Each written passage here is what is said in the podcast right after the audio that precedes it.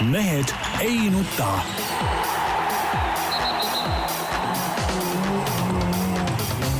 mehed ei nuta.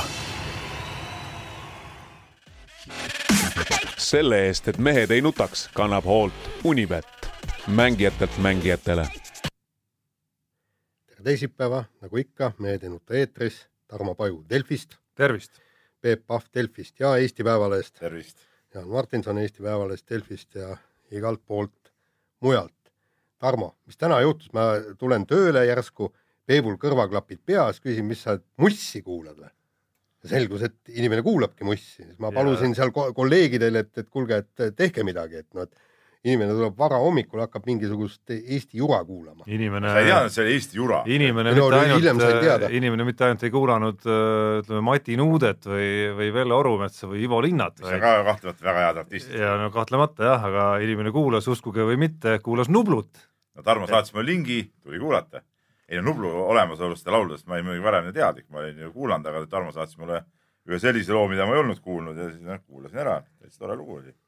Ei ole midagi öelda. Tarmo, äkki saadad mulle ka, ma ei ole seda seltsimeest äh, veel vabalt võin, võin seda teha, aga sa leiad muidugi, ma usun, et sa oled nii palju küll tehnikasajandisse tulnud, et suudad Youtube'i minna ja, ja Nublu sisse lüüa. ah, ei tea, ei viitsi, sa saadad vähemalt parima laulu, et sealt saab kiirelt. tal on neid parimaid päris palju, nii et ma ei taha sinu eest valikut ära teha. tee ikka. nii, aga äh, paar sõna tahaks poliitikast rääkida. no mehed, kas ei tundunud, et, et äh, läinud nädalal oli kõige koomilisem hetk oli see, kui kogu valitsus, Riigikogu ja kõik parteilased tormasid ühtse massina sinna kanuti aeda, et laiali ajada neid äh, noorte kampu. mõni ehk siis peaminister Jüri Ratas, nagu ma saan aru, võttis ka poja kaasa ja, ja loomulikult oli kutsutud sinna kõik äh, telekaamerad ja ajakirjanikud ja kõik, et kuidas meie nüüd ikkagi võitleme, hoolitseme selle turvalisuse eest. see Pakasuhha oma parimas äh, vormis, eks ole, noh. jube oli vaadata siukest asja. no põhim-, põhimõtteliselt käis võitlus, kes esimesena sinna kohale jõuab. ja, ja, ja, ja kes, kes nagu kõvemat häält teeb, no see, see tundus nii totter, et pealtnäha vaatad, et täiskasvanud inimesed peaks ju natukene mõistust olema. ikka veel imestad, Jaan. ei no, no, no mõtlen, et inimesed saavad ju vanemaks, eks. kus see poliitikul nüüd see aru natuke ikka on siis? sa ikka tead, et valimised on tulemas? jah. no, no ikkagi. selle no, nimel ju teed ükspuha mida no vot sellest ma nüüd ei saa aru, tähendab, ühesõnaga needsamad poliitikud lähevad nüüd koju, eks, no ma loodan, et neil on mõistlikud naised ja kõike. ja siis hakkavad seal kodu, lapsed on kodus ja kõik, aga hakkavad rääkima, ah sa pagan, tead, kus ma täna tegin niisuguse poliitilise triki, et ühte neist naistest me tunneme kõik isiklikult ja ta on väga mõistlik naine. no just ja, ja, ja, ja kuidas siis on, söögilauas hakkab rääkima, et oi pagan, ma tegin niisuguse poliitilise käigu täna, et kutsusin kõik kaamerad kohale, läksin sinna kanuti aeda, et mul olid rusikad olid juba niimoodi püsti, et oleks need noored kallatud, no oi, ma oleks andnud. võidelnud, eks ole. ja oleks võidelnud ja kõik. see oleks uhke olnud, kui oleks ikkagi nagu action'iks ka näinud seal Kuule, kaamerate ees. Needsamad mõistlikud abikaasad ja, ja lapsed võiks öelda, kuule isa, noh, ole nüüd mõistlik, et meil on natuke piinlik sinu pärast. ei, see see on võiks õige, niimoodi. see on õige jah. ja tegelikult noh, ega see probleem ei lahene ju sellega, kui sa seal mingi kanuti aiasse aeda paned politseinikud ja turvamehed ja ma ei tea, mis asjad. kas turvamehed on nüüd igal pool eh, parkides või? igal pool ei ole. no aga siis lähevad ju järgmisse parki ja ongi, et asja mõte on ikka see, et oleks tugevdatud eh, politseipatrullid kogu aeg ringi liikumas, eks ole, mitte nii, et, et me kampaania korras, et leht midagi kirjutas ja siis me paneme kohe mingisse eh, parki mingid patrulli või turvamehed välja, siis sellega ongi probleem lahendatud. no see on ju naljanumber ju noh. igaüks saab ju aru, et see tegelikult, et see on, see on ka pakasuhhal, see on sama hea, kui sa hakkaks seda rohtu seal roheliseks värvima või asfaldi mustaks võõpama. noh. ja, ja, ja muidugi no kummaline oli ka see, et Urmas Reinsalu AK-s pikk intervjuu oli temaga alustuseks ütleb, ei no me teadsime, see, see probleem on olnud kaks aastat, on olnud kolm aastat, et kõik me teame ja nüüd järsku siis tehti mingisugune komisjon, nüüd hakkavad alles lahendama. ühesõnaga, ma tahaks nüüd teada, et, et, et milles see nüüd asi on, et see probleem on olnud meil kolm aastat, see on minu meelest no teadlik riigi turvalisuse kahjustamine. kolm aastat mitte tegeleda probleemiga no aga Urmas Reinsalul on äh, pidevalt tähtsamaid asju, noh, tal on vaja ju tal on vaja okupatsioonikahjude väljanõudmisega tegeleda või õigemini väljanõudmise, nõudmiseni ta ei jõua, vaid ta jõuab sellest rääkimiseni. et noh, see on, see on üks koomilisemaid asju, see on jälle ehe näide sellest, kus poliitikul või ministril isegi ei ole, no mitte sittagi ei ole teha maakeeli öelda, eks ole. et tegeleb mingi siukse juraga, noh, mis nagu mitte kuhugi ei vii mis on täiesti mõttetu tegevus, noh.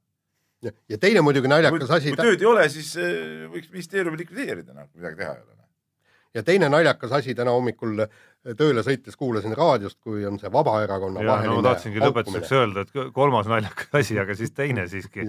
On see, et mitte ealeski veel ei ole mitte millestki saadud nii palju kirjutada ja rääkida, kui hetkel Vabaerakonna ümber toimuvast. ja, ja see on aga, aga miks täiesti,, see on ka põhjendamatu, miks me kirjutame ja no, räägime sellest no ongi, Nad on marginaalsed tegelased ju no kaks täiesti täiesti marginaalsed, nende tege-, kas nad on seal, kas nad võitlevad omavahel või võitle, mitte kedagi see ju tegelikult ei huvita. ja, ja kusjuures milleks seda üldse kirjutada? ja, ja kusjuures teine asi on ju riigi jaoks on nad ju täiesti mõttetu seltskond, sellepärast et nad noh, nagu seal täna öeldi, et, et me tahame olla ühiskonna valvekoer, tulge siis ajakirjandusse, ajakirjanik on viies võim ja valvekoer. Te, te lähete sinna, võtate selle papi vastu Riigikogus, haugute seal natukene, mitte midagi sellest ei muutu. valitsusse te ei lähe, vastutust ei võta, jube hea on seal istuda. neli tuhat eurot palka tasku kraapida. kes meist vahepeal neljanda võimuna mööda läks, kui me viies oleme? ei, me oleme viies, no siis me viies. oleme neljas ikka. ei, me oleme neljas no sa ütlesid viies. ah,. no ei, neljas võim on ju Vabaerakond. või lähme spordi juurde? Läheme spordi juurde äh,. räägime alustuseks tennisest ja Kaia Kanepi mängis ääretult sümpaatse US Openi see aasta. kolm võitu ja siis komistas äh, muidugi Serena Williamsi otsa ja, ja kes seda mängu nägi, siis äh, äh, ilmselt tundis kahetsust, et nii head Williamsi servimist no ütleme, ma, ma, ei ole tema mänge ka nüüd meeletult näinud, eks, aga, aga ta tõesti servis üle, ülihästi ja ta sisuliselt servis ennast võidule.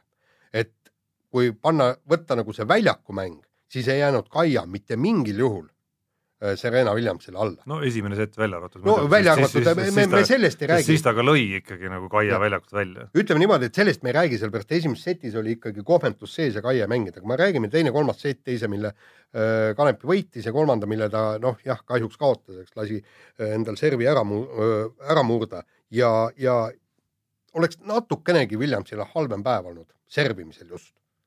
Ma arvan, et, et oleks, oleks asi läinud kiire lõppmänguni lõpuni välja sinna.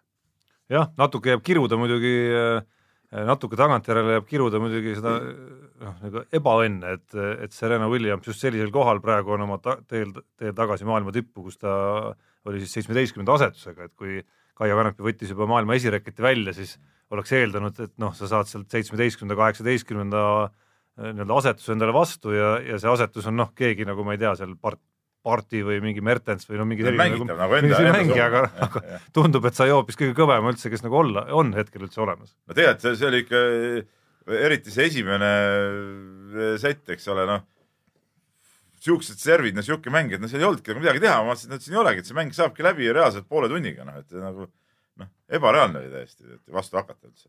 jah, tähendab noh, nagu ma eile siin jutuajamistes märkisin ka, et ma, ma tõesti ei ole niivõrd äh, suur tennise spetsialist ja aga, aga kui ma vaatan, kuidas see äh, Kanepi tõrjus neid serve, siis ta tõrjus täiesti traditsiooniliselt, kui Williamsi esimese servi puhul läks kaks sammu väljakust välja, teise servi puhul tuli siis servi, servi joonele või tähendab väljaku joonele, tagajoonele. just enne seda vaatasin äh, Nadali mängu ja, ja, ja tema seisis vastase puhul kogu aeg umbes kaks-kolm meetrit tagapool kui Kanepi Williamsi vastu. okei okay,, Williams servis eelkõige täpselt, kui ükstapuha, kus sa seisad ja kui see pall pannakse nurkadesse, ka kõvasti seejuures, täpselt. just, vaata, kui sa lähed väljakust natukene tahapoole, siis selle tugevuse, sul on reaktsiooniaega rohkem äh, liikuda, aga tõesti, kui ta niimoodi nurkadesse täpselt servib, seal ei ole mitte midagi teha, aga, aga, aga ikkagi, et, et, et, et ma ei tea, kas, kas tasuks tõesti see Williamsi servi minna tagantpoolt vastu võtma, kas see oleks midagi päästnud, seda ei tea, aga vaadates tõesti, kui, kui heas vormis, füüsilises vormis Kanepi on, seda on rõõm vaadata. Ei, Kanepi nägi ikka väga hea välja ja see, kuidas ta mängis, mängis teise seti, see oli nagu ju, ju suurepärane tegelikult. ja aga siinkohal jälle tuleb tunda kahetsust, et ta saavutas oma elu parima füüsilise vormi, nagu tu- öö, tema öö, abiline abiline Tustit ütles, kolmkümmend pluss eluaastat. Kui ta oleks nii heas vormis olnud kakskümmend kaks, kakskümmend kolm, seal olid ka ikka mingid perioodid, kui ta oli heas vormis, aga see vorm on väga palju ka kõikuv olnud. just, ei, aga no ta nüüd on elu parimas vormis, eks. elu parim vorm peaks tegelikult saabuma tennisistil kakskümmend kolm, kakskümmend neli, kakskümmend viis ja siis seal ta säilitab lihtsalt sealt edasi oma vormi. noh, teisalt omakorda annab see, see vorm, mis tõesti hakkas isegi nagu meie kui mitteasjatundjate jaoks silma ilma Indrek Tustiti sõnadetagi teleekraanilt, kui, kui noh, põhimõtteliselt kõik lihased joonistuvad välja, mis üldse on võimalik nagu visuaalsel vaatlusel märgata, et et see annab lootust, et see tema tagasitulek ei jää nüüd, ei piirdu selle aastaga, vaid et, et see võiks nagu jätkuda vähemalt nii kaua, kuni kuni, kuni nagu kuidagimoodi nagu nii-öelda loodus nagu üldse oma tööd ei tee, hetkel tundub, et ei tee no ütleme niimoodi, et tal on ikkagi, kui ta suudab see nii heas vormis sest, püsida, sest fakt on see, et ta suudab teha mingeid lööke, mida väga vähesed tennisemängijad suudavad teha. ja ei, absoluutselt jah. Ja aga, aga samas jälle noh, tal on ikkagi kaks, maksimum kolm aastat mängida, no võib-olla neli, eks. aga, aga noh, siit tuleb maksimum võtta. Ja muidugi kurb on see, eks, et et, et ega ta edetabelis väga palju ei tõuse, kui ta Grand Slamidel tõesti ei hakka nagu midagi tõsist tegema, sellepärast et ta mängib vähem turniire. Ja, ja selge ka selle vanusega. Ja, ja noh, no aga tuleb, kas ütleme, tema vanuses nüüd äh, ongi ju tegelikult see nii-öelda see palga saamise aeg ju tegelikult, et et tegelikult ta mängib sellisel tasemel, jõuab siis suurturniiridel, ma ei tea, teise-kolmandasse äh, ringi, korjab sealt normaalse raha ära, siis noh, see on ka normaalne spordi tegemine. ja ei, seda küll, aga, aga jällegi see, siin tuleb natuke mõelda, mäletad, et see oli konflikt Eesti Tennise Liiduga, eks, põhimõtteliselt ta nii-öelda Eesti Tennise Liidu ja Tallinki sponsorlusprogrammi ei kuulu. et selles mõttes on kahju, et äh, ta, ta on ikkagi, kui me räägime, et me äh, tahame toetada meie parimaid mängijaid, siis kindlasti Kaia Kanepi, vähemalt viimaste turniiride põhjal, on parim mängija. aga vahetame teemat ja läheme äh, spordinaise juurde, kes, kellel ütleme, need aastad kõik on veel neiu alles ikkagi. jah, on, on veel ees ehk Kelly Sildaru on vigastusest paranenud ja sai siis juunioride maailmameistrivõistlustel ühe hõbeda kõrvale nädala jooksul kaks kuldmedalit ka juurde, ehk siis oma põhialal pargisõidus ja täna öösel või meie järgi varastel hommikutundidel ka rennisõidus. ehk siis äh, kõik märgid näitavad, et, et, et see põhiküsimärk on justkui vastatud, vigastusest on täielikult paranetud. no seda täna hõiskas ka ju peale tänast võistlust, tegi siukse triki, mida tegi viimati siis enne seda äh, vigastus, vigastust, eks ole, et, et, et selles suhtes on ilmselt äh, temaga kõik hästi ja aga no üks asi, need juunioride võistlused, kuigi seal on palju ka ütleme reaalselt maailma tippe, aga nüüd huvitavam võistlus tuleb äh, nüüd eeloleval ööl on kvalifikatsioon ja, ja reede, ööl vastu reedet on siis finaal, on see Big Airi MK-etapp, et seal pidid nagu siis ütleme kõik maailma eh, noh, enamus eh, selle ala parimad kohal olema ja kuidas, kuidas ta seal minema hakkab, et noh, üks, üks asi need juunioride tiitlid jah, aga teine asi on nagu need päris, päris võistlused. jah, kuigi siin üsna värskelt on tulnud teada, et ta võib selle MK-etapiga vahele jätta, kusjuures ahaa, otse telefon tuli praegu. otse telefoni, jah. milles asi siis? tihe võistlusgraafik, no liiga pikad põhimõtteliselt, päevad. eks ta tegelikult või no aga teised, kes seal võistlesid, kõik jätavad vahele selle või? no mine sa tea jah, mine sa tea, aga, aga no teine asi on ju see, et, et tema ongi ju vigastusest taastunud ja võib-olla füüsiline või vorm ei ole selle võrra hea. Ja kolmas asi on muidugi ka see, et, et Big Airis ei ole ta ju tegelikult ole kunagi soosik nagu tegi, nii tegija olnud, et, et Jah. ta on, ta on ikkagi, polegi kulda võitnud vist minu, minu teada, aga no vaata siin, siin ongi nüüd äh, minu meelest äh, peavad Sildarud nüüd planeerima väga täpselt oma treeningu ja võistlusgraafiku, sellepärast et äh, kui nüüd on tervis korras, vorm hea, kõik nüüd selle asemel, et võistelda või mitte, tähendab äh, võistlemise kõrvalt tuleb kindlasti hakata õppima uusi trikke, sellepärast et äh, talve lõpus äh, täiskasvanute MM-il oleks juba vaja midagi enamat näidata või juba X, X mängudel, sellepärast et selge see, et, et kõik konkurendid teevad juba neid nii-öelda saltosid, teevad keerukamaid trikke ja loota ainult sellele, et ma saan kõrged punktid reilidel pargisõidus. kõige igavam osa sellest Ja sõidust, eks ole. just, et, et, et loota sellele igavesti, noh, seda ka kindlasti ei saa. samas jälle, kui ta nüüd äh, natukene annab Kelly öö, oma edust ära, sellepärast et ta tõesti no ei jõua nii palju treenida selle talve jooksul, pole ka hullu, aga tähtis on see, et järgmine, ülejärgmine aasta ta oleks jällegi maailma nii-öelda liider, kelle järgi kõik joonduvad. et selles mõttes on huvitav oodata ikkagi esimest nagu päris võistlust. Ehk siis sellist võistlust, kus on kõik maailma tipud kohal ja kus võisteldakse pargisõidus. nojah, et kas, see annaks ka pildi, et kas see ala on üldse kuhugi nagu arenenud nagu reaalselt, et praegu meil ju ütleme Kelliga võrreldes see võrdlus puudub, me nagu oleme siin kirjutanud ise lugusid sellest, et, et, et justkui nagu on ala läinud professionaalsemaks ja tihedamaks ja kõik, aga aga tegelikult me ju ei, ei tea, eks ole, et kui Kellil jääb ise ka rajale, saab maailma tippude vastu oma trumpalal võistelda, et mis, mis see seis siis on, et, et võib-olla jälle nii, et tema teeb seal üheksakümmend kuus punkti ja järgmine teeb üheksakümmend ja, ja ei olegi mingit vahet, et et, et kas seal on mingi konkurents tekkinud või ei ole, et see on, see on nagu kõige huvitavam küsimus. jah, ja ka seda näeb nüüd, no mitte niipea, sellepärast et see talvehooaeg ikkagi hakkab ikkagi talvel. jah.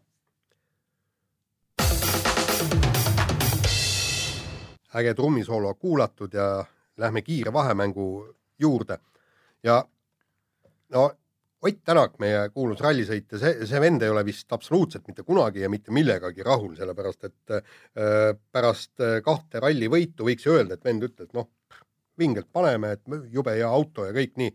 ja ikka, vend ütleb, et ma ei tunne endiselt Toyota, et Toyota oleks minu auto. et minu arvates on veel küllaga asju, mida parandada.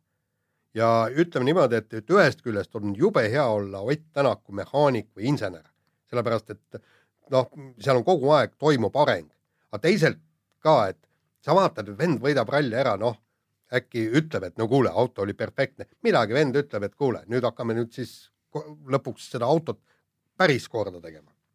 noh, küllap ta omavahel on mõne hea sõna ikkagi seal nendele mehaanikutele ka öelnud, ma kahtlustan vähemalt. no, selle, selles avalduses võib olla Terakiga niisugust taktikamängu, ütleme konkurentide hämamiseks, et, et nad kardaksid seda, et et vaatame selle Ott oli praegu nagu peaaegu üle siin kahel viimasel rallil, et tegelikult võib veel kiirem olla, et noh, et, et värisege, et teil ei ole nagu mingit, mingit varianti. et eh, selles suhtes on, on kõik äge, aga noh, nüüd siin nagu teadupärast tuli uudis välja, et siin Türgi rallil on jälle teises seisus Toyota meeskond, eks ole, et vana mootor on tagasi ja, ja, ja kuidas see seal jooksma saadakse, see on, see on juba omaette küsimus. jah, no tähendab, ühesõnaga probleem tekkis sellest, et selgub, et homologeerimise reeglite järgi ei saa sa uut mootorit panna vanale kerele, vanale autole. ja, ja nüüd nad äh, panid siis sellele nii-öelda uuele autole, saatsid nüüd need uued autod Soome, kus need tehakse valmis ja öö, minu teada tulevad alles öö, võistlustele alles öö, need uued autod Hispaaniasse minu teada. jah mis tähendab seda, et kaks, kaks rallit äh, Türgi ja ja Inglismaa, vot Inglismaa koha pealt ma äh, info praegu puudub. kahel rallil sõitsid juba nende uute mootoritega. just, nii, kahel rallil sõideti, nüüd võeti vanad autod ja, nüüd vähemalt Türgi rallil ei saa kasutada seda uut mootorit, mida oleks hädasti vaja, tal on äh, pöördemoment väga hea, kiirendus on parem ja see on alles see, et Türgi ralli ilmselt eeldatavalt, no me ei tea Türgi rallist kuigi palju mm -hmm. spetsiifikast, aga eeldatavalt see on suhteliselt aeglane ralli et seal see kiirendusmoment ehk eh, kurvidest kiire väljatulek eh, aeglase hoo pealt on väga oluline. aga ma ei. oleks väga oluline ka see, seesama see kiirenduse detail, mida Jaan. ja aga, aga, aga samas ma ei saagi aru, kes selle käki, käki tegi või, või, või see oli see ette teada või? mikskipärast kahtlustan, et ei olnud ette teada, sest sellest. mina sain. Tommy Mäkinen jutust niimoodi aru, et, et ikkagi et see on mingi totakas reegel nagu tema arust, mis, mis tuli nagu talle nagu üllatusena ikkagi. no just, et äh, ei olnud seda reeglite raamatut äh, punktuaalselt läbi, läbi loetud ja, ja noh, kurb, aga, aga ma arvan, et tegelikult ega see vana mootor on ka piisav. ei, ei, aga see mingi halb asi ei ole, aga, aga seegi see, et kui juba uus oli välja aretatud ja see uus äh, näitas ennast väga heast küljest ja, ja oli tõesti hea mootor, seda kõik ütlesid, et see on parim, parim mootor praegu, kui nüüd seda kasutada ei saa kahel rallil, siis mingisugune tagasilöök on see ikkagi igal juhul. Noh. just aga, aga, aga selle Tänaku rahulolematuse kohta võib ikkagi tõesti öelda seda, et, et kunagi legendaarne suusatreener ütles, et ideaal eksisteerib ainult muuseumis. ehk siis mm, ütleme niimoodi, et, et tõesti takkajärgi sa võid öelda, et see oli ideaal, aga tegelikult tuleb igalt poolt edasi ainult minna ja kogu aeg vinguda ja siis muutuvad asjad paremaks. no ega seesama suusatreener ka kõige kõvemal hetkel vist parim, mis talt välja tuli, oli pole paha. no just, absoluutselt. Äh, vahetame teemat äh, ja viskame õhku küsimuse, kumb siis Ragnar Klavan on, inglased rääkisid, et tegemist on viikingiga, itaallased, et tegemist on gladiaatoriga. et noh, siin ei... on ta Mulgimaa mees hoopis ju. nojah, mulk ja., jah, ta oleks võinud säärane mulk. säärane mulk, et ma ei tea, mis, mis viikingid ja gladiaatorid, et need ei, ei haaku kumbki tegelikult ju, ju tema tegeliku päritoluga. ehk siis niisugune nagu ütleme, Sakala, Salga selline tubli, tubli, tubli esindaja. just, kuule, sina oskad inglise keelt kõige paremini, kuidas on mulk inglise keeles ja kuidas on mulgikapsas inglise keeles? ei tea peast. võib-olla lugejad, kes teavad, kirjutage meile või kuulajad. no ühesõnaga, kui ta Jaapanist peaks veel kunagi karjääri lõpus mängima Samuraiks minema, siis saab samuraiks või kamikaatseks, ma arvan. aga, aga, aga näed, kus äh, tegelikult Itaalia meedia oli selles mõttes või tähendab üldse itaallased olid natukene sümpaatsemad, esimeses mängus, kui ta tegi käki, siis ma niisugust rünnakut küll ei lugenud ega kuulnud öö, Klaavani kohta, mis, mis tuli Inglismaalt, nii kui Inglismaal mingi käkk tuli, nii oli kohe, et davai, vend vallandada ja miks ta üldse no meeskonnas Liverpool on Liverpool ja No- no, Cagliari on Cagliari ikkagi, midagi ei ole teha. erinevat kood, ei no ka erinevad, ütleme need äh, suhtumised ja, ja, ja tavad on, et et Inglismaal ongi see, see lahmimise tava on ikka päris, päris kõrgendatud, seda me oleme näinud ka teiste, teiste jalgpallurite peal ei no Inglismaa meedia kui selline ja ütleme jalka puhul me räägime ka pigem nagu ülemaailmsest ingliskeelsest meediast, kes jälgib Liverpooli masti klubi tegemisi, et et see mass on ka ikkagi nagu ikkagi väga teistsugune noh. jah, aga, aga ikkagi sümpaatne, et siis, kui sa äh, ei mängi parimal moel, siis sa sõimata ei saa, aga siis, kui sa mängid hästi, kohe kutsutakse, tituleeritakse sind gladiaatoriteks. noh, kõige sümpaatsem on see, et et, et see, miks teda gladiaatoriks nimetati, ehk et kolmandas voorus õnnestus nüüd võit ka kätte saada ja päris väärtuslik võit võõral väljakul ja niimoodi, et äh, elati nii-öelda kaitses see mäng kuidagimoodi üle ja hoitigi puur puhas, et see, see on nagu nagu selles mõttes kõige parem märk üldse, mis saab sealt tulla, et, et tema karjäär seal on alanud väga hästi. ja ta sai häid hinnanguid selle mängu pealt. just, ja, ja gladiaator ei ole selles mõttes üldse halvustav nimetus, kui, kui arvatakse, et gladiaatorid on tõesti surmaminejad, kes seal areenil võitlevad, sest tegelikult oli seitsekümmend viis protsenti gladiaatoritest olid vabatahtlikud, kes käisid seal raha teenimas ja tegelikult nad kõik surma ei saanud, neid tegelikult väga vähesed tapeti ära. see, et, et kui me oleme Spartakuse raamatut lugenud, et, et see ei vasta tegelikkusele, mis kunagi jah, Itaalias oli. nii, aga kas tõeline gladiaator käib ka noaga ringi, see on omaette küsimus, igatahes Nõmme Kalju fännid eh, lehvitasid mängul Floraga siis plakatit, kus oli noaga Aivar Pohlak ja kiri. Kasvatame sinust parema inimese, kuidas, küsimärk, alustuseks lööd oma kasvatajale noa selga. no siin, siin mõte siin on oli tunda nagu kibedust natuke, aga see, ma nüüd täpselt ei tea muidugi neid kõiki ülemineku detaile, aga tihtipeale spordis ju ütleme, susserdatakse ka ütleme selja taga ja, ja, ja mitte kõige ausamal moel mängijaid eh, ühest klubist teise ja, ja, ja, ja ilmselt siin ikkagi selline teema on nagu üleval.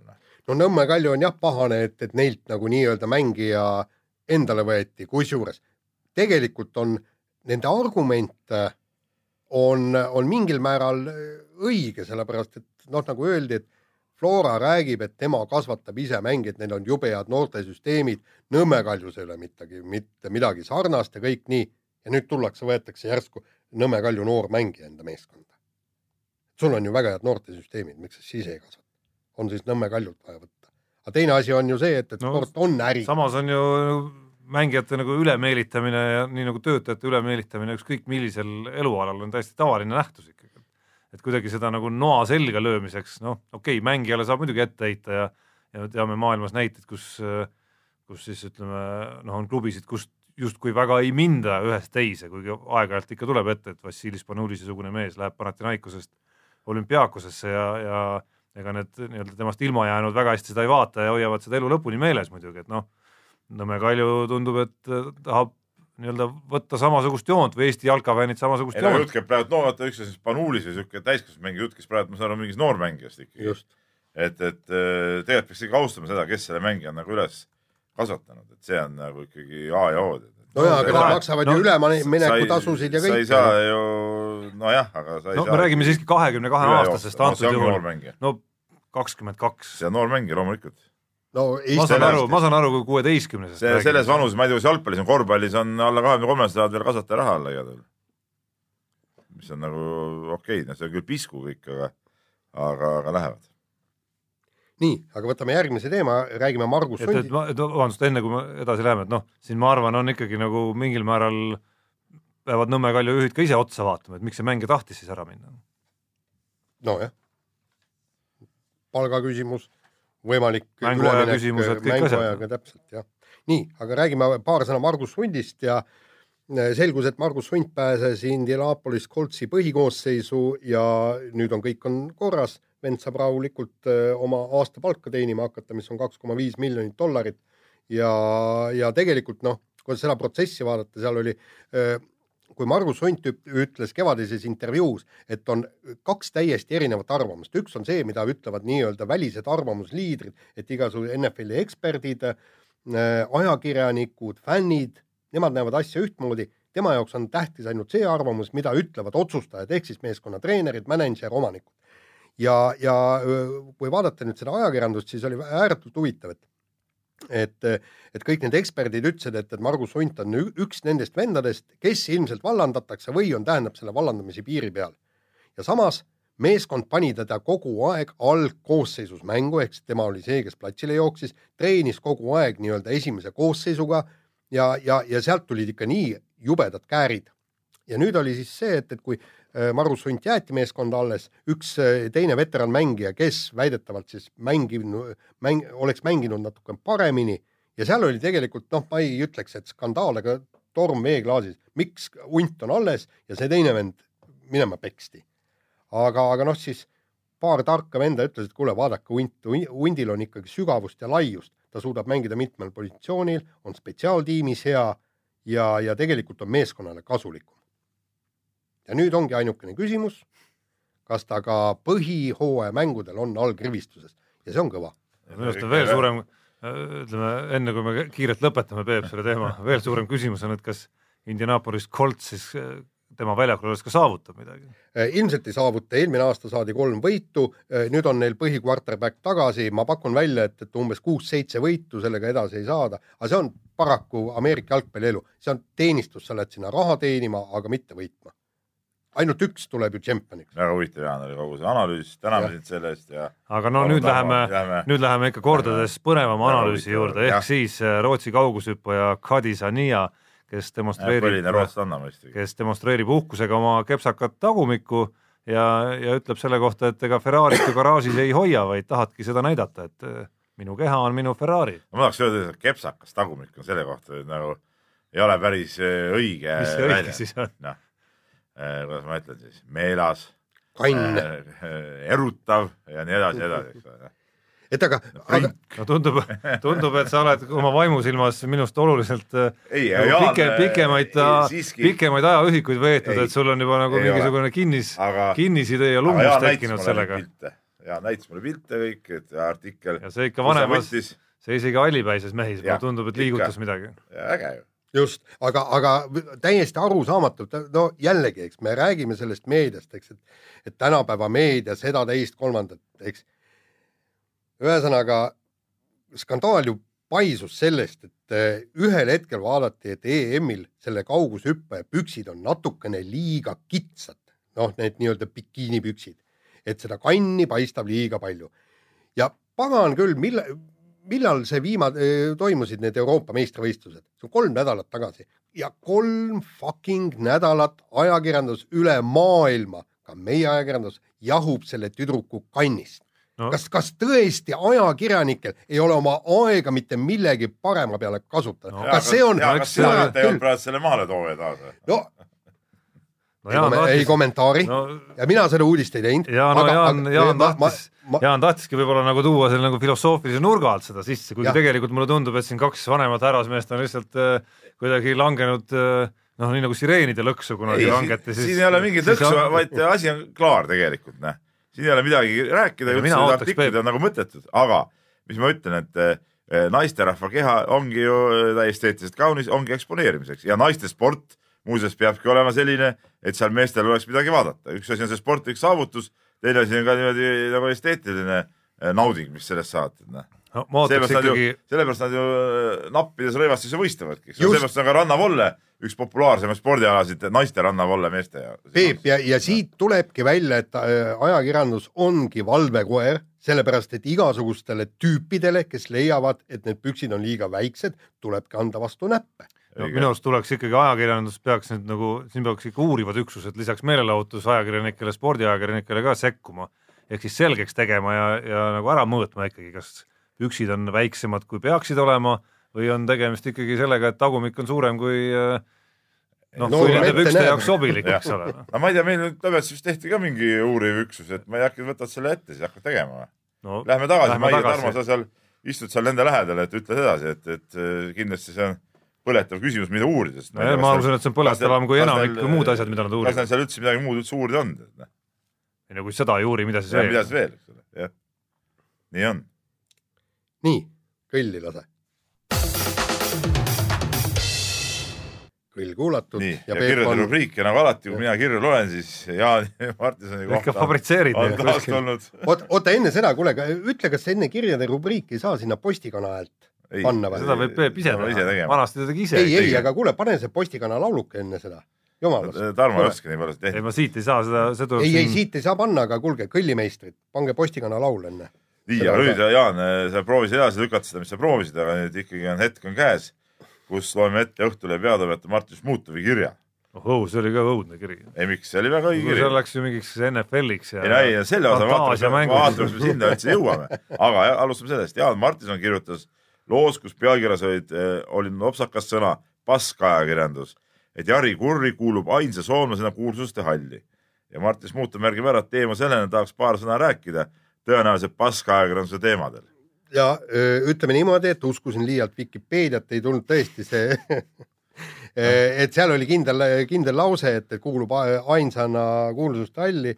see oli vist isegi soome keeles, ma ei mäleta, kus, millises Vikipeedias see oli, aga, aga ütleme niimoodi, et, et tegime vea, aga samas ütleme niimoodi, et, et kui, kui seal oli umbes, no palju neid lauseid võis olla, noh, kakssada, kolmsada, nelisada lauset ja kui sa ainult ühest teed vea, vaata kui väike protsent on. no tead, see, see, see, see teooria kõlab täpselt äh, samamoodi Ei, nagu Jaani taktika, mis Ei, on mis läbi mõttes? aastate olnud, mis on seisnenud selles, et kui ta kahtleb mõne nime kirjutamises, ta kirjutab loo sees nagu mõlemat pidi, mis ta kahtleb, siis vähemalt üks on õige. ja, ja absoluutselt. Ja, ja seda ma ütlen, et, et kui, kui, kui ma teen umbes kolmesajas lauses ühe vea, siis noh, näiteks jalgpalluritel sööduprotsent või, või siis noh, korvpalluritel. Ei no võitis või kaotas, no vahet ei ole, üks neist on üks, õige. üks neist on õige jah. aga no äh, seltsimees Smuutov küsibki siin edasi, et kuidas Hokispetsi toimetusjuht Peep Pahv sellise vea läbi lasi, ma pean siin muidugi enda tuhka pähe raputama, sest mina tegin nagu nii-öelda külje toimetamist ja ma usaldasin ka Jaani kirjutatud ilma seda kontrollimata. ja küsib, kas Martinson peab nüüd tagastama nädala palga. nii, seda ma ütlen nii, et karistuseks määrasime tal äh, see nädal peale tänast äh, kodune režiim.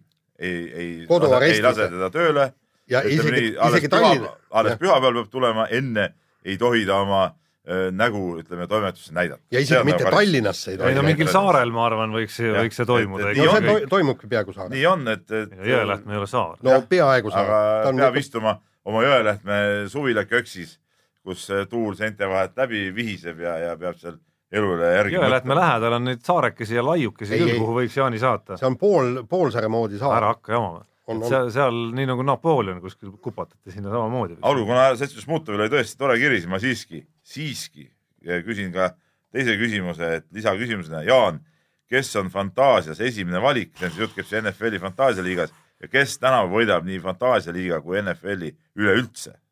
no ütleme niimoodi, et praegu, praegu umbes sada kuulajat kukkus meilt ära selle siis, küsimuse siis Mutov teab, kellele ta kindlasti ei panusta. ei tea, ei oska öelda, pole veel, täna õhtul on draft, ei ole veel jõudnud neid asju uurida, seal on teatud, teatud nüansid, teatud nüansid ja minu esimene valik, ütleme niimoodi, et ei ole kindel, et ta esialgu mängib, ta ei ole äh, palgaga rahul. võib juhtuda, et tõesti ta platsile ei tule, sellepärast ma vaatan võib-olla seal ringi, aga igal juhul running back'i ma võtan. pealiskaudu nagu kõik, kõik Jaani tegemised, nii. aga meie hea kirjasaatja Kalle on taas äh, olnud hoos ja, ja võtame siis tema kokkuvõtva kirja, mis tuli peale mängu, et tere mehed, olen siin jauranud selle riietuse üle juba piisavalt. Serena Williams tundub äh, tegevat mingit protestiaktsiooni. kõigepealt mängib mingites liibukates ja nüüd on mingi baleriin. päris täpselt aru ei saa, miks ta seda teeb. ilmselt on ta selles seelikus eba, ilmselgelt on selles seelikus ebamugav mängida.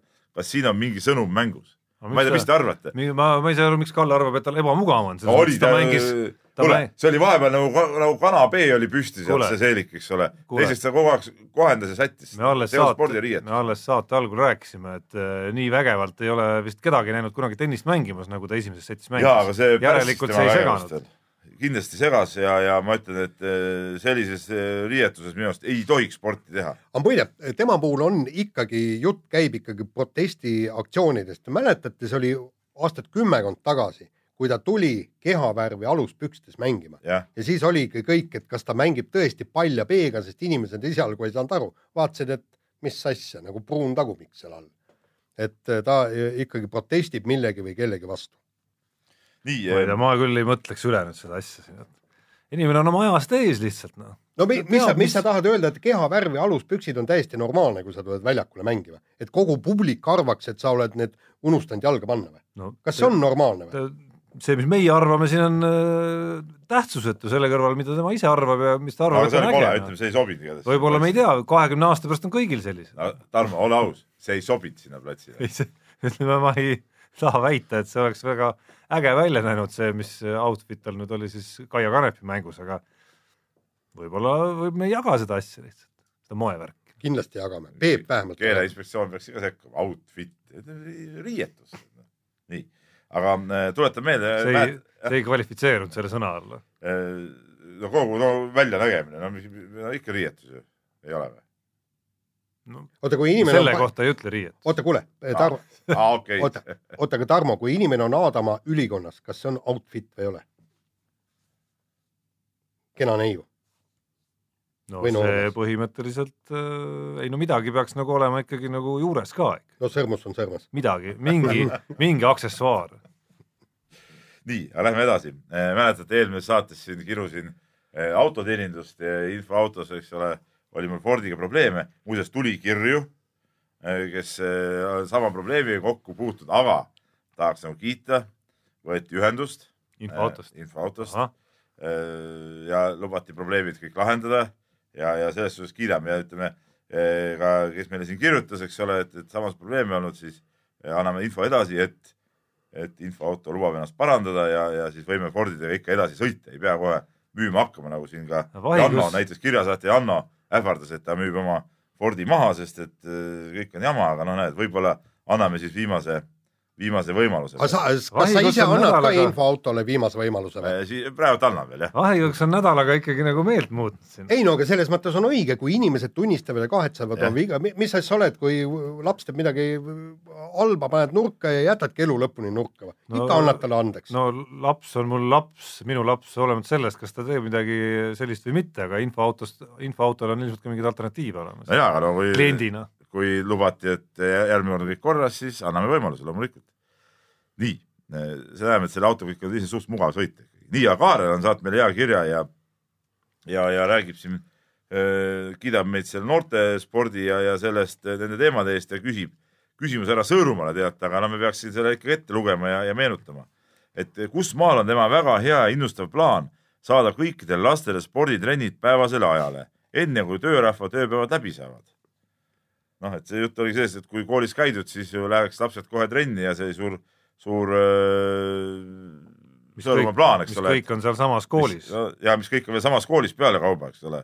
et, et mis me siis ütleme selle peale? no ütleme niimoodi, et, et siiamaani ma ei suudagi aru saada, et, et miks meil ei ole nii-öelda koolisport, tähendab, ei toimu need treeningud koolides. Omal ajal ju, nõukaajal oli ju kõik, kõik käis ilusasti koolis. ma käisin seal kahekümnendas keskkoolis, see oli korvpallikool ja korvpallitrennid olidki pärast kooli, kohe toimusidki treeningud. täpselt samamoodi, kui ma olin ise kehalise õpetaja, mul oligi koolipäev oli läbi, lapsed said pikapäevarühmas süüa ja tulidki. kolmveerand tundi oli vahet, sõid kõhu täis, puhkasid veidi ja tulid trenni, noh. nüüd näitab, et sa oled jälle reaalsest äh, maailmast oled nagu maha no,, jäänud. nimelt, räägi. võtame, ma võtan Keila näite. võtame, kui võtame väiksed poisid, kes meil käiksid trennis. nii, nende koolipäev lõpeb millal? no näiteks seal kell üks või kell kaks. et No. siis idee, ideaalis võiks hakata trenn, mis kell? kolm, kolm. just. aga sel ajal on suurtel äh, keskkooli poistel alles kehkatunnid seal saalis. on isegi nii või? on, on nii kaua, jah? No tunnid, kui sul on kaheksa nagu tundi eks, see võimla on ikkagi okupeeritud suurtes koolides noh, põhimõtteliselt mingi kella kolmeni vähemalt. no vähemalt kolmeni, Kolm, jah, neljani ja, ja, ja ei olegi, seal esimesed okay. klassid ju lõpetavad kell kaksteist juba näiteks ära, sa Okei. ei saagi neid tuua kohe. see plaan oli ju kohe utoopia ju okei okay., ja, ja siis ja teine asi see, sa ei saa ju kõiki trenni tuua korraga sinna saali. ütleme, et esimeses klassis viis kutti lähevad kossu, viis kutti lähevad kergejõustikusse, viis kutti lähevad näiteks seal, ma ei tea, maadlusesse, nii, ja kõik tahavad seda saalis teha samal ajal, kuidas see võimalik on? no kergejõustikut tehakse minu teada õues no, no õues, aga talvel? no tehakse ka õues, kui sisehall ei olnud, kus kohas need Saalis N-sellikud ja kõik, kust noh,, kust tuli kogu see kama? ka, Jaan, sa ei pea, sa ei hakka ju talvel eh, lapsi kogu aeg õue ajama, sa saad ise väga hästi aru, kui on mingeid tehnilisi asju vaja teha. et noh, tegelikult see ongi, see plaan oli ju kohe ebareaalne, sellest ongi. jah, aga, aga selge, aga selge on see, et, et, et saaks koolide juurde pärast tunde kasvõi needsamad keskkoolipoisid, kui, kui nad saavad tõesti, saavad oma seal lõunasöögi ära teha, kõik see ja pärast seda tuleb keskkoolipoisid trenni. trennid on üldse, siis need trennid liiguvadki, keskkoolipoisid teevad mu trenni õhtu seal peale ühe, pool kümme lõpetame alles. nojah, ma ei tea, kui õige see on. aga mingit muud võimalust ei ole ju, pole ju aega rohkem. nii, okei okay,, lähme edasi, kell on palju, ei jõua rohkem kirju praegu võtta, siin on huvitavad teemad tulemas. no väike täiendus veel, meie kuulaja Maarja on kirjutanud, et äh, kehavärvi pükstega siiski oli Venus Williams, mitte Serena. no mis vahe sellel on? kuule, nad on üks, ei no, üks veri, Williams kui selline. Williams kui selline jah. no selle vahega, et Venus on nagu vist eri, eriline mingisugune moehuviline.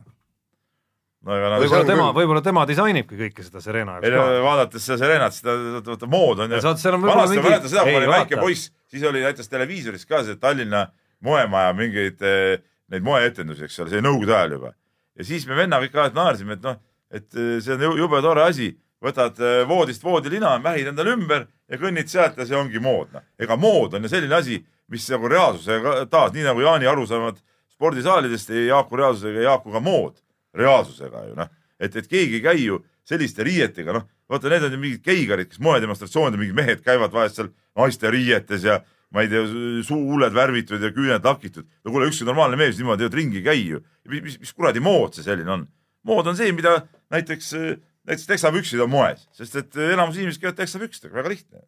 ja lihtsalt võib-olla see viib mõtte sellele, et võib-olla Veenus ongi kõige selle taga, et tema on No see nii-öelda moelooja seal Ja ta vanem oota, oota, ta on nagu vanem õde ka, võib-olla on kade natukene, sest nooremal õel on muidugi tiitleid ja kõike rohkem, onju, nii, ja siis, siis ta disainib seal mingeid noh, nii-öelda ägedaid kostüüme nooremale õele. ja ütleb, paned selga ja ei hakka vastu. see on jube äge, vaata, see, see sobib sulle nagu valatult, see printsessi kleit, kus on neid mingeid, mis iganes nimetused, sitsid, satsid siin seitse kihti umbes onju. ja noh, Serena mõtleb, no Veenus teab seda värki, seda moevärki onju, no et no muidugi noh. ei no kui vanem õde käsib, siis panedki. käsi on, kui ta ütleb, et on hea noh. ja siis kogu maailm itsitab, okei okay,, kuule, lähme nüüd asjalike teemade juurde. nii, põhimõtteliselt järgmine jutt on siis korvpallikoondisest, kus on puudujaid palju ja, ja Tiit Sokk oli isegi, isegi natukene pahane ja, ja ma vaatasin seda koosseisu ja, ja no ütleme niimoodi, et pooli, mitte pooli, paari-kolme venda pole kuulnud ka. aga jalgpallikoondis saab alati endal satsi nagu kokku. et, et, et millest see nüüd tuleneb see, et meil tõesti MM-i valikturniirile ei lähe Eesti kõige paremad korvpallurid? no see tuleb äh, paljuski ka ikkagi selle Fiba äh, täiesti idiootsest äh, akendesüsteemist, mida ma ei tea, nad üritasid siin midagi teha ja parandada, aga sellega seoses sattusid aknad ju mingitele absurdsetele aegadele, nagu oli see juuni lõpp, juuli algus, täiesti absurdne aeg ja nüüd ütleme siin septembri keskel, eks ole, mängud. just nüüd, kui mehed on läinud uutesse klubidesse, noh, oleks vaja seal klubidega trenni teha, ennast nagu pildile mängida, samal ajal tuled koondisse ära, no Tiit Sokk ju ju rääkis äh, õiget juttu, et noh, siis ongi, et sa oled koondist ära, teine mees kontrollmängus mängib ennast pildile ja ongi kõik, eks ole, tema ongi, ongi treener silmis parim mees, et, et, et see jama on ja see jama ei ole ainult Eestis, see on ju teistes äh, riikides ja koondistes ka, aga meil on ta muidugi, kuna meil on neid häid mängijaid ju nii vähe, siis meil ta lööb nagu eriti silma ja kuna meil paljud mängijad on mingisse esiliiga klubidesse ja nii edasi, siis see probleem süveneb hooaja jooksul tegelikult veelgi, sest et äh, teadupärast noh, meil on nüüd, ma ei tea, kolm mängijat on Kreeka esiliigas, eks ole, et äh, esiliigades ei ole neid äh, mänguakna pause, et, et see, see jama hakkab meid kummitama päris, päris kõvasti. kaks, kaks poolt, et üks on kindlasti see üleüldine probleem, et mul on tunne, et see aken nüüd praegu valikturniiri aknana on veel eriti ebaõnnestunud, et kui sa mängid noh, näiteks EM-finaalturniiri sätid sellesse aega, noh, siis see tundub kuidagi nagu see on nagu loogiline. see on nagu loogiline samm, aga ühte valikturniiri akent sättida sellesse aknasse, mis klubide jaoks on ikkagi nagu noh, mõnes mõttes kõige tähtsam hetk üldse nagu hooajast.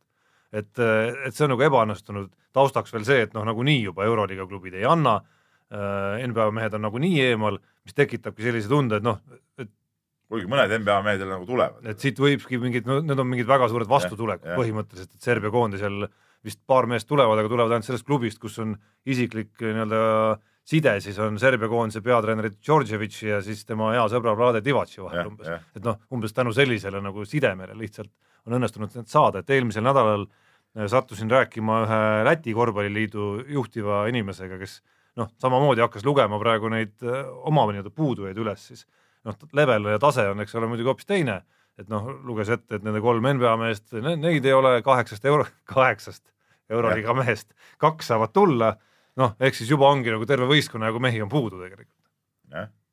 aga, aga see teine pool ikkagi, et natukene paljuvõitu minu arust on ikkagi igas aknas meil olnud ka selliseid puudumisi, mille põhjustest ma nagu päris hästi aru, kuidagi nagu päris hästi Jah. aru ikkagi ei saa. Ja ka Tiit Sokk natukene siin äh, mõnes intervjuus vähemalt kuidagi tegi suuri silmi natukene seal Janari Jõesaare pihta Jah., kellel see ei olnud ka esimene kord noh, sellisel võib-olla natuke segase võitu põhjusel ikkagi nagu eemale jääda. no Sokk ütles selgelt, et tema ei tea, miks Jõesaar ei tulnud. jah, teisalt tekitab minus hämmastust jällegi äh, treenerite enda valik mitte valida Martin Torbekit näiteks koondisse.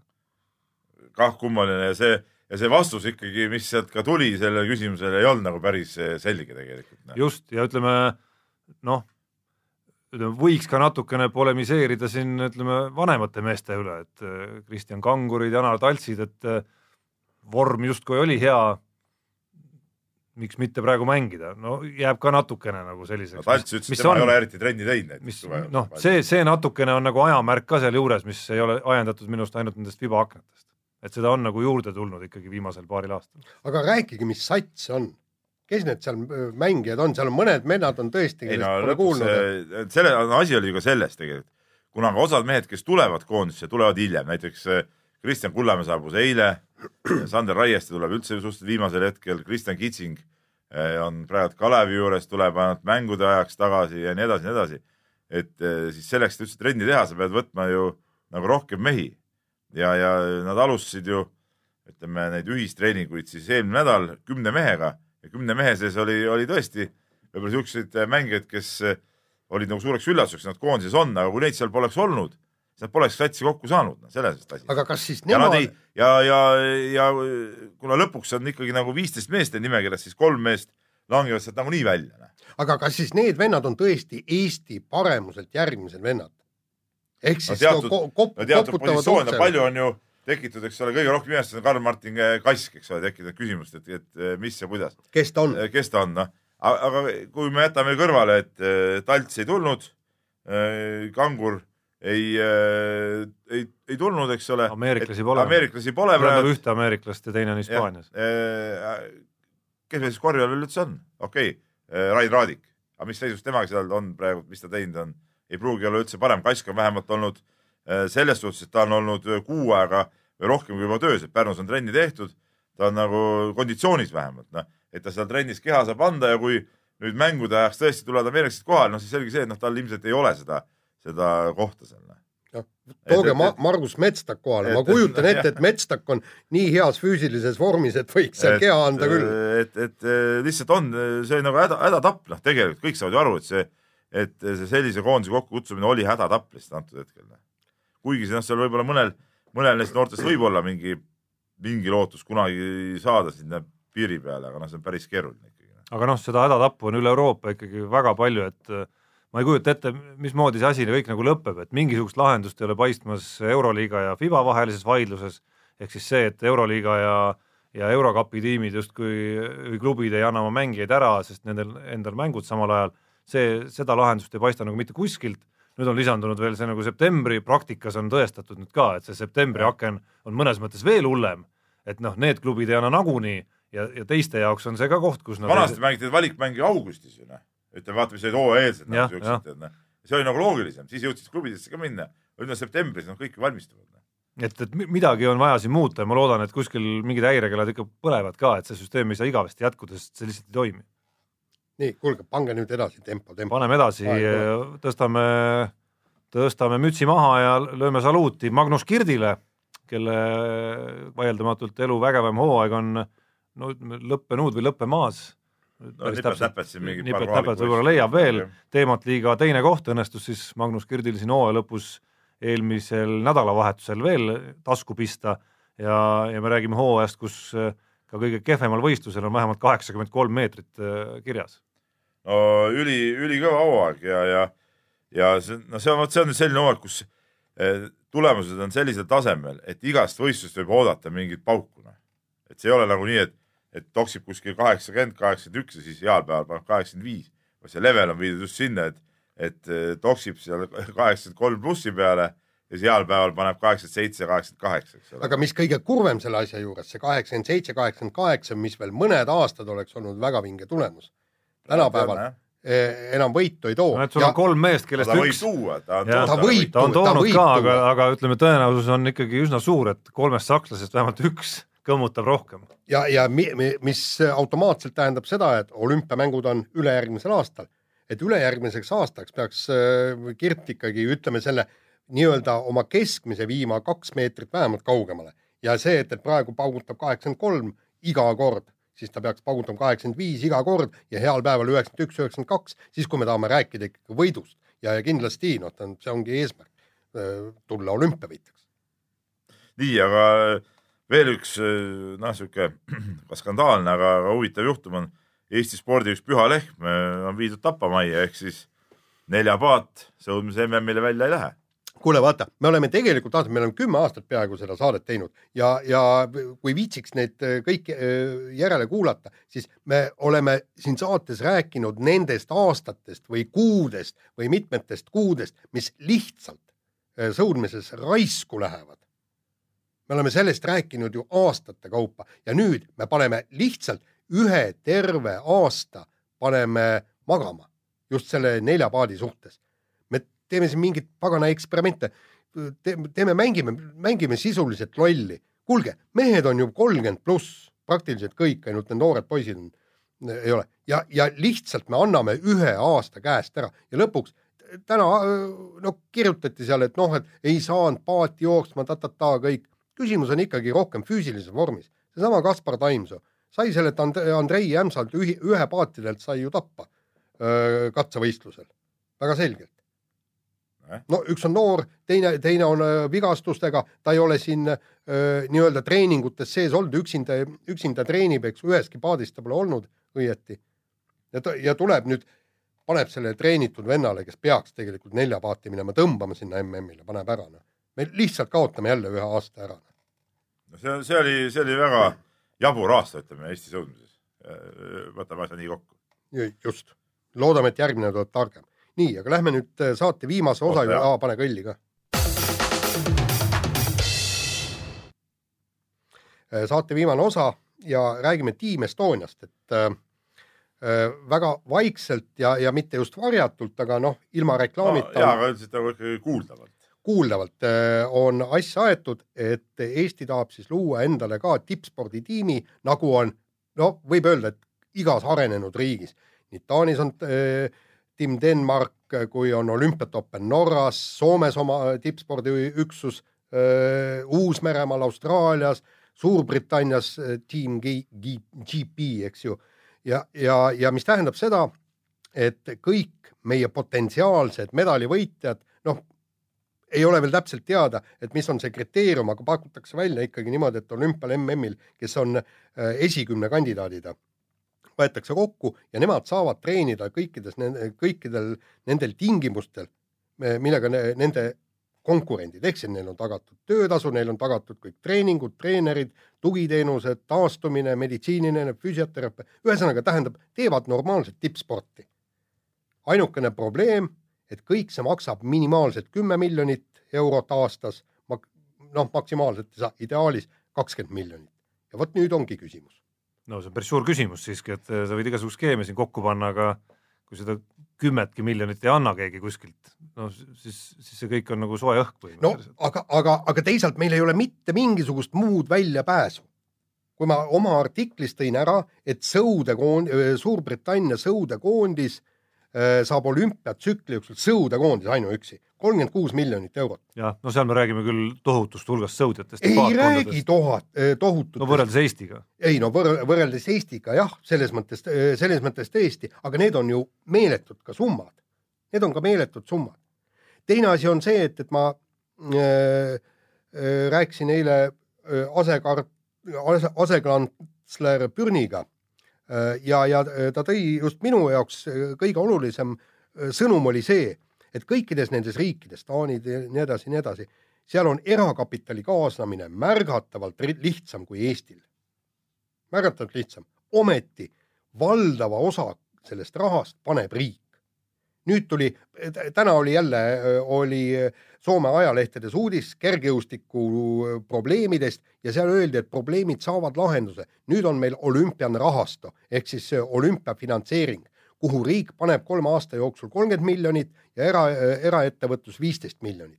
ja see on lisaks kõigile, tähendab ütleme niimoodi, et et kõik see, mis see on see alaliitude ülene nagu see raha. just, et see kõik, mis enne oli, jääb, nad lihtsalt panevad viisteist miljonit ja ma tean, aga selles ongi asja point ju tegelikult, et eh, see kõik on õige, me tahaks ka, et see tiim meil oleks kõik eh, minu arust väga hea asi kõik.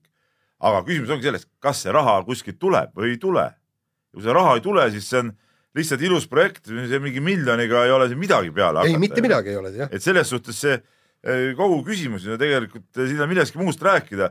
Jüri Ratas tuleb võtta laua taha ja küsida, kas saab selle raha või ei saa. ja kui ei saa, siis see on, see on lihtsalt eh, raisatud eh, vaev, sest et seal ei ole mingit pointi nagu noh. aga kui ta ütleb, et jah, saab, siis, siis, siis tasub selle projektiga tegeleda noh. no üks küsimus, Jaan, sinu loost, mis mul jäi natuke segaseks, et kas, kas kõik olemasolevad muud rahastused jääksid alles või Ja, ta või ta midagi võtab nagu ära ka, noh näiteks seesama nii-öelda, nii-öelda nagu tiitlivõistluste kohtade põhine ja, ja ei, mina. A-d, A-d, B-d ja C-d, eks, millest jaa, me oleme nad- rääkinud siin Maicel Uibode ja, ja paljude kontekstis, et kas Ju- see kõik jääks nii, nagu on? ei, see, ütleme, see läheks ka sinna ühte Just, potti no see, see läheb ka sinna ühte potti, aga, aga sellest hetkest enam ei makstaks öö, sportlastele, tähendab jällegi, täna arutatakse, kuidas seda kõike õigesti planeerida, kuidas on maailma näide, on see, et, et neile ei anta mingit kindlat summat kätte, nagu praegu on, eks ettevalmistustoetus kaks tuhat kakssada eurot kuus, mis iganes, sulle makstakse kinni kõik arved, mis on põhjendatud arved selleks, et sa saaksid treenida, võistelda, kõik nii. sinu asi on arve esitada, kõik, sa saad ja pluss saad palka. no need vajadused on ju alati erinevad. ongi, täpselt. muidugi on erinevad noh aga no see ongi see küsimus, et, et kui see summa on nii väike, eks ole, nii sa ütled, et jah, et, et pannakse kõik need eh, muud stipid sinna sisse, aga mis saab siis näiteks praeguse C-kategooria vendadest, kes sinna tiimi ei mahu näiteks? no nii, mis nende, mis nendest saab, kui see raha on kõik sinna suunatud? Summa on nii väike. aga, aga vot seal ongi, et, et neile tegelikult see peab olema, finantseering, oota, see peab olema ju tegelikult asja mõte, mis on ka minu arust ju siin Soomes, Taanis, on ka see, et see järelkasv äh, käib sinna juurde kõik. ja vot see ongi no. nüüd, vot, vot siis tegelikult me räägime ikkagi kahekümne miljoni no muidugi, aga seda raha, Jaan, no ma, ma võin kihla vedada, seda raha ei tule Eestis kuskilt. no aga, aga ka- kas on varianti siis, siis tä- tähendab, siis peab valitsus ütlema, et aga näitame nad ongi ära, öelnud seda ju. No jah, ja, ei no läheme järgmisele tagasi, aga ja läheme järgmisele taliolümpiale, Kelly Sildaru võidab, ma ei tea, kaks kulda ja kõik on jube hästi. jaa, aga see on pere aga seda ütles no ka Kere- jaa, no ei- muidugi Jaan, ma, ega sa minul ei pea ega see midagi kulla tõestama. maitset ei muuda, ega see kulla maitset ja emotsiooni ei muuda, teadmine, et ta oli kas riiklik äh, nii-öelda ja, projekt ja või küll, ja pereprojekt. küll siis ka need äh, riigimehed sätivad ennast sinna pildi peale. jah, aga muide jällegi see Tarvi Pürn ütles, tõi ju väga-väga huvitava näite on see, et, et kuidas meie riiklik spordisüsteem praegu toimib. et laps on kindlustatud treeningutega ja, ja võimalused tippspordiga tegeleda on kuni öö, täisealiseks saamiseni oot. Audenteses. mis mõttes kindlustatud? Ei no tal, tal on vähemalt mingisugune materiaalne tugi on tema treeneritel olemas, treener saab palka, tal on olemas spordibaasid, tema eest makstakse. siis üksikutest indiviididest, Audentesesse ju kõik ei mahu teadupärast. ei, aga me räägimegi tippudest. No, no,, me räägime okay. tipust, nii ütleme niimoodi, et oma, omaealiste tipp öö, lõpuks läheb Audentesesse, seal saab ka Audentese lõpust kaob ära igasugune finantseerimine, null eurot. jah, no see ongi. aga Jaan, ja aga sellest on räägitud, ma olen ise kirjutanud kümneid aastaid Just- sama artiklit, sina just oled kirjutanud sellest. just ja ju ja ja, ja järgmine kord hakkab ta saama finantsi alles siis, kui ta on medalivõitja ja mitte keda kuraditki ei huvita, kuidas ta selle medalini jõuab, sest järgmine EOK finants on. aga see ei ole mingi uudis, Jaan. ei no ei ole, aga, aga see on absurdne. no aga kui kaua me seda taome no jaa, aga nüüd Jaan, saad aru, kõik see plaan ja idee, kõik on õige, ma ütlen veel kord, kust tuleb see raha? riigieelarvest. nii, nii, kas sa oled, kui sügavalt sina näiteks usud, et see raha tuleb riigi poolt? no ma ma ei loodan, räägi, ei ole mõtet rääkida ühest-kahest miljonist, me räägime ikka päris ma rahast. pakun välja, et äh, viis miljonit äh, on võimalik sealt saada. viis miljonit on võimalik saada, ütleme kaks miljonit panevad, paneb erakapital äkki. Mujalt on ka ka päris metsik raha, kaks miljonit, no kaks miljonit. kaks miljonit ja, aga teist võimalust ei ole, kuule, Soome erakapital leiab viisteist miljonit. ei, Jaan, ma saan kõigest aru, aga lihtsalt kogu senine see, see elu on näidanud, et seda raha nagu ei leita. no et noh, ma olen nagu selles suhtes, ma olen nagu väga huvitatud, et see asi tuleks, aga samas ma olen selle, selle asja toimumises või, või toimimises ma olen skeptiline. Peep, aga muud võimalust ei, ei, ole. muud Muud ei no võimalust ei no ei muu võimalus on jätkata täpselt samamoodi nagu praegu on jätkatud. Ja, ja on tehtud aastaid juba. ja see ei ole, sellel asjal ka nagu puudub mõte, tegelikult ma vaatan oma ajakirjaniku, ajakirjaniku tööd põlve ja otsast nökerdan ja lihtsalt. just, ja ma, ma vaatan oma ajakirjaniku tööd ja ma olen kol, öö, nendele kol, kolleegidele ka rääkinud, et, et see on, see on nagu öö ja päev sellega, mis me tegime kümme-viisteist aastat tagasi, kui Nõukogude spordisüsteemi kasvandikud olid tipus, eks ju. ja, ja, ja siis, kui palju meil olid neid tippsportlasi, kellest kirjutada, kes tõesti huvitasid ka rahvast, aga nüüd me peamegi kõ- ronima Serena Williamsi pükstesse selleks, et üldse midagi sinna öö, lehte saada. enam ei ole neid kirsipuud, Smigunnid, Maed, Veerpalud, Märtinid, noh see seal Bertelsonid, ei, Erkinooled jah, kõik nii. et oma, omal ajal oli neid tippe rohkem. See oleks huvitav arvutus korra muidugi, et mulle vahel tundub, et me natukene idealiseerime natuke seda hulka võib-olla üle ka, mis kunagi kuule, sa oli ise siis ka ei, ma olin, olin, absoluutselt Jah. olin, aga noh, kui sa praegu hakkad lugema, siis ikka ka tilgub sinna juurde Kanepi, Kontaveit, Tänak, ma ei tea, Klaavan ja, ja noh, oot, oot, oot, kuule, hakkame, hakkame kasvõi Kossu koondisest pihta. Martin Müürsepa, Tiit Soku ja äh, Aivar Kuusmaga eesotsas. Mis korvpall oli siis ja mis on nüüd? Kossuga pole üldse midagi rääkida no no,. aga, ma aga räägin, ma räägin indi- individuaalsportlastest praegu ikkagi. ei no jaa, aga, aga tegelikult siis, siis oli no kasvusuusatajate arvel praegu meil ei ole Just. mitte midagi, eks ole. jah, siis laskesuusatajad tegid seal tegusid, on ju. jah, said isegi mingi medali seal. absoluutselt, ei patrullsuusatamine. no okei okay,, laskesuusas No no, ei, no siiski okei. tiitlivõistluste medaleid ei ole. ratturid. Ei no meil praegu on kaks ratturit. ei no nad ei võida ju midagi, nad ei võida ju ei midagi no. jaa, aga see, aga siis oli, kes oli Aus, Kirsipuu, Tombak. Aug, Pütsep, Mändoja. seal oli vendi küll, kes just igal juhul see oli, oli suurem. no sa lugesid seal nüüd mitu meest ette, kes on umbes sama, mis Gert Jaa, oli ka proff, eks ole, ja see ei on ole., see on mõttetu vaidlus praegu, et ikkagi küsimus on ikka selles ja et kas, kas Jüri Ratas ütleb jah või ei sellele projektile ja muu, muu tegelikult on kõik tühi, just, tühi jõhk. nii, aga selle, ja, ja üsna, üsna raske hetk on neid ei-sid ja jaasid öelda ka, sest me räägime valimisperioodist praegu, eks. Et suhteliselt äh, lihtsama, lihtsam on öelda jah mingitele projektidele, mis kuidagi nagu silmnähtavamat profiiti toovad. no jaa, aga no ütleme niimoodi, et, et neid spordihulle ja, ja sportlasi on ka ju tegelikult sadu, sadu ja veel kord sadu ja lapsevanemaid, kes tahaks, et nende lapsed tippsporti jõuaks. no kui keegi peaks sellisele asjale jah ütlema, me räägime nüüd Eesti riigijuhtidest äh, võib-olla viimase noh, kümne-kahekümne aasta kokkuvõttes, siis peaks olema Jüri Ratas kui Jah, ei, põline jah, spordimees täpselt. ja, ja, ja mees, kes on juhtinud ka ühte alaliitu. selge see, et ta ega noh, ta ei saa ka oma, oma isiklikku jahki anda, et see on ikkagi nagu suurem, suurem äh, kooskõlastamine. sina oled valitsuse juht ja ei, seda muidugi. ja, ja sa pead äh, valitsust juhtima nii, et valitsus ütleks õige sõna jah. nii, sellega on saade lõppenud, kuulake mind nädala pärast. mehed ei nuta.